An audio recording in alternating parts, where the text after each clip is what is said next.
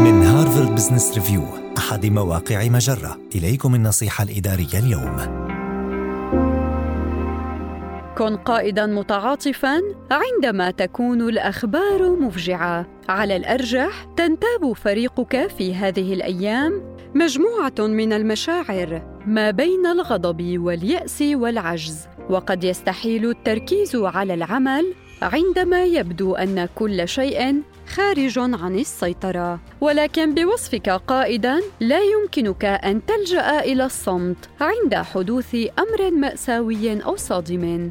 بل أقر بحدوثه واخلق مساحة للحوار أو التعبير عن الحزن. تطرق إلى ما حدث في رسالة عبر البريد الإلكتروني أو في اجتماع الفريق. شارك رد فعلك وتأكد من معرفة الجميع بالموارد المتاحة. افسحي المجال للتعبير عن مجموعة من ردود الأفعال إذ قد يرى بعض أعضاء الفريق أن العمل مصدر إلهاء. بينما قد يحتاج آخرون إلى التحدث. حدد ما يمكنك تخفيفه عن كاهل الموظفين. إذ يمكنك أن تطلب وجبات غداء لأعضاء فريقك هذا الأسبوع أو تغير موعدا نهائيا لتخفيف بعض الضغط عنهم.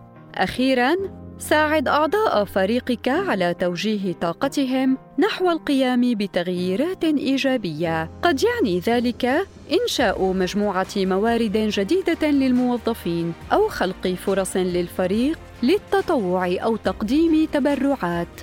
أو ببساطة تجديد الالتزام بدعم بعضهم لبعض في الأوقات العصيبة. هذه النصيحة من مقال خمس خطوات يمكنك اتخاذها لدعم فريقك بعد سماع أخبار مفجعة النصيحة الإدارية تأتيكم من هارفارد بزنس ريفيو أحد مواقع مجرة مصدرك الأول لأفضل محتوى عربي على الإنترنت.